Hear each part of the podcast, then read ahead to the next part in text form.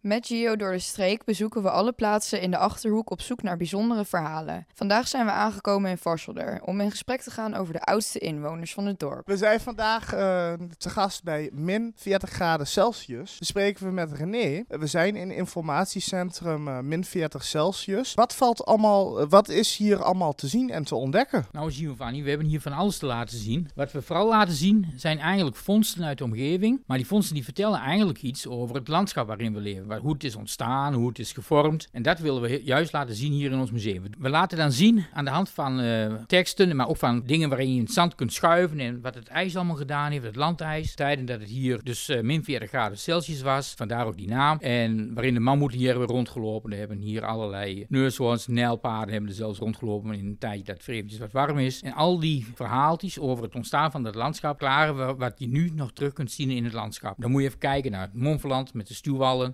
Ontstaan door het ijs. Er zitten wat geulen in. Dat heeft te maken met wanneer het ijs gaat smelten. We hebben wat uh, rivieren die hier door het landschap heen lopen. Die zijn in de laagtes gaan, uh, gaan stromen. En al die elementjes samen vormen het landschap waarin wij dus nu wonen en leven. Enkele van de mooiste en bijzondere vondsten die wij hier kunnen laten zien. Dat zijn aan een mammoet. We hebben een uh, complete schedel van een mammoet staan met een mooie grote slagtand erin. Eventjes, oh, die is opgebaggerd bij camping Slotermeer. we hebben hier wat stenen werktuigen. Die zijn gemaakt door Neandertalers. We hebben bijlen. Die zijn gemaakt door, het, uh, door de eerste landbouwers die hier in dit gebied hebben rondgelopen. Allemaal uh, vondsten die iets vertellen. Ja, hoe is de, de hobby ontstaan om alles te verzamelen? Toen ik op mijn 13-jarige leeftijd ben ik begonnen met verzamelen. En dat begint heel onschuldig met een paar vondsten. En dat worden dus een paar meer. En er komt dus een andere verzamelaar die zijn spulletjes niet meer nodig heeft. En die denkt van ik geef het aan René. En zo is die collectie groter en groter geworden. Nou, en toen ben ik in contact gekomen met de zandwinner hier. En hebben we samen eens bekeken van hoe gaan we dit dan oplossen. En hebben we gezegd van we gaan hier een nieuw museumtje neerzetten. Nou gaan we weer van het verleden naar het heden. Ik heb gehoord dat er hele mooie dingen op de planning staan uh, hier bij het informatiecentrum. Kun je me daar meer over vertellen? Wat gaat er allemaal precies gebeuren? Dit jaar gaan we juist extra aan de weg timmeren, want we willen wat meer uh, bekendheid ook krijgen, maar we willen ook meer laten zien wat we allemaal doen. We hebben natuurlijk altijd wel een website gehad, of die hebben we nog natuurlijk, en die blijft ook bestaan. Maar we willen ook wat, wat activiteiten organiseren, waardoor we wat meer in beeld komen. En een van die dingen, dat is dan dus de IJstijd Experience. Die hebben we dan dit jaar gepland 22 en 23 juli en 12, 13 augustus. Waarin de bezoekers hier kunnen komen en de kinderen die kunnen zich dan storten op een grote zandbak waarin ze fossielen kunnen vinden, waarin ze mineralen kunnen vinden. Soms zitten de botten in. En dat zijn allemaal stukjes die ze ook zelf weer mee mogen nemen naar huis toe. Ze kunnen zich gaan verkleden, of de papa's en mama's die gaan zich verkleden en uh, kunnen samen op een foto als een Neandertaler. Uh, ze kunnen stenen gaan schilderen. We kunnen uh, vuur gaan maken met de kinderen. Dat gaat een activiteit worden die we dadelijk elk jaar weer willen herhalen. En misschien gaat het nog wel groeien met meer activiteiten van anderen. Daar zijn we heel benieuwd naar hoe dat gaat uitpakken.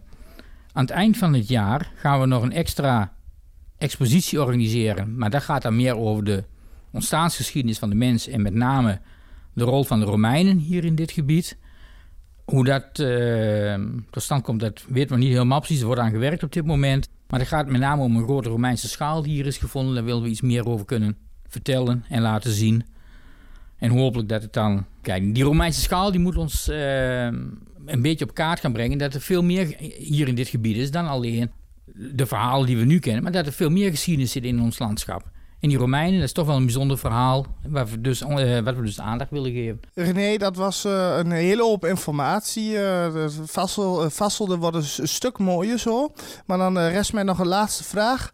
Wanneer is het informatiecentrum geopend en waar kunnen mensen terecht voor meer informatie?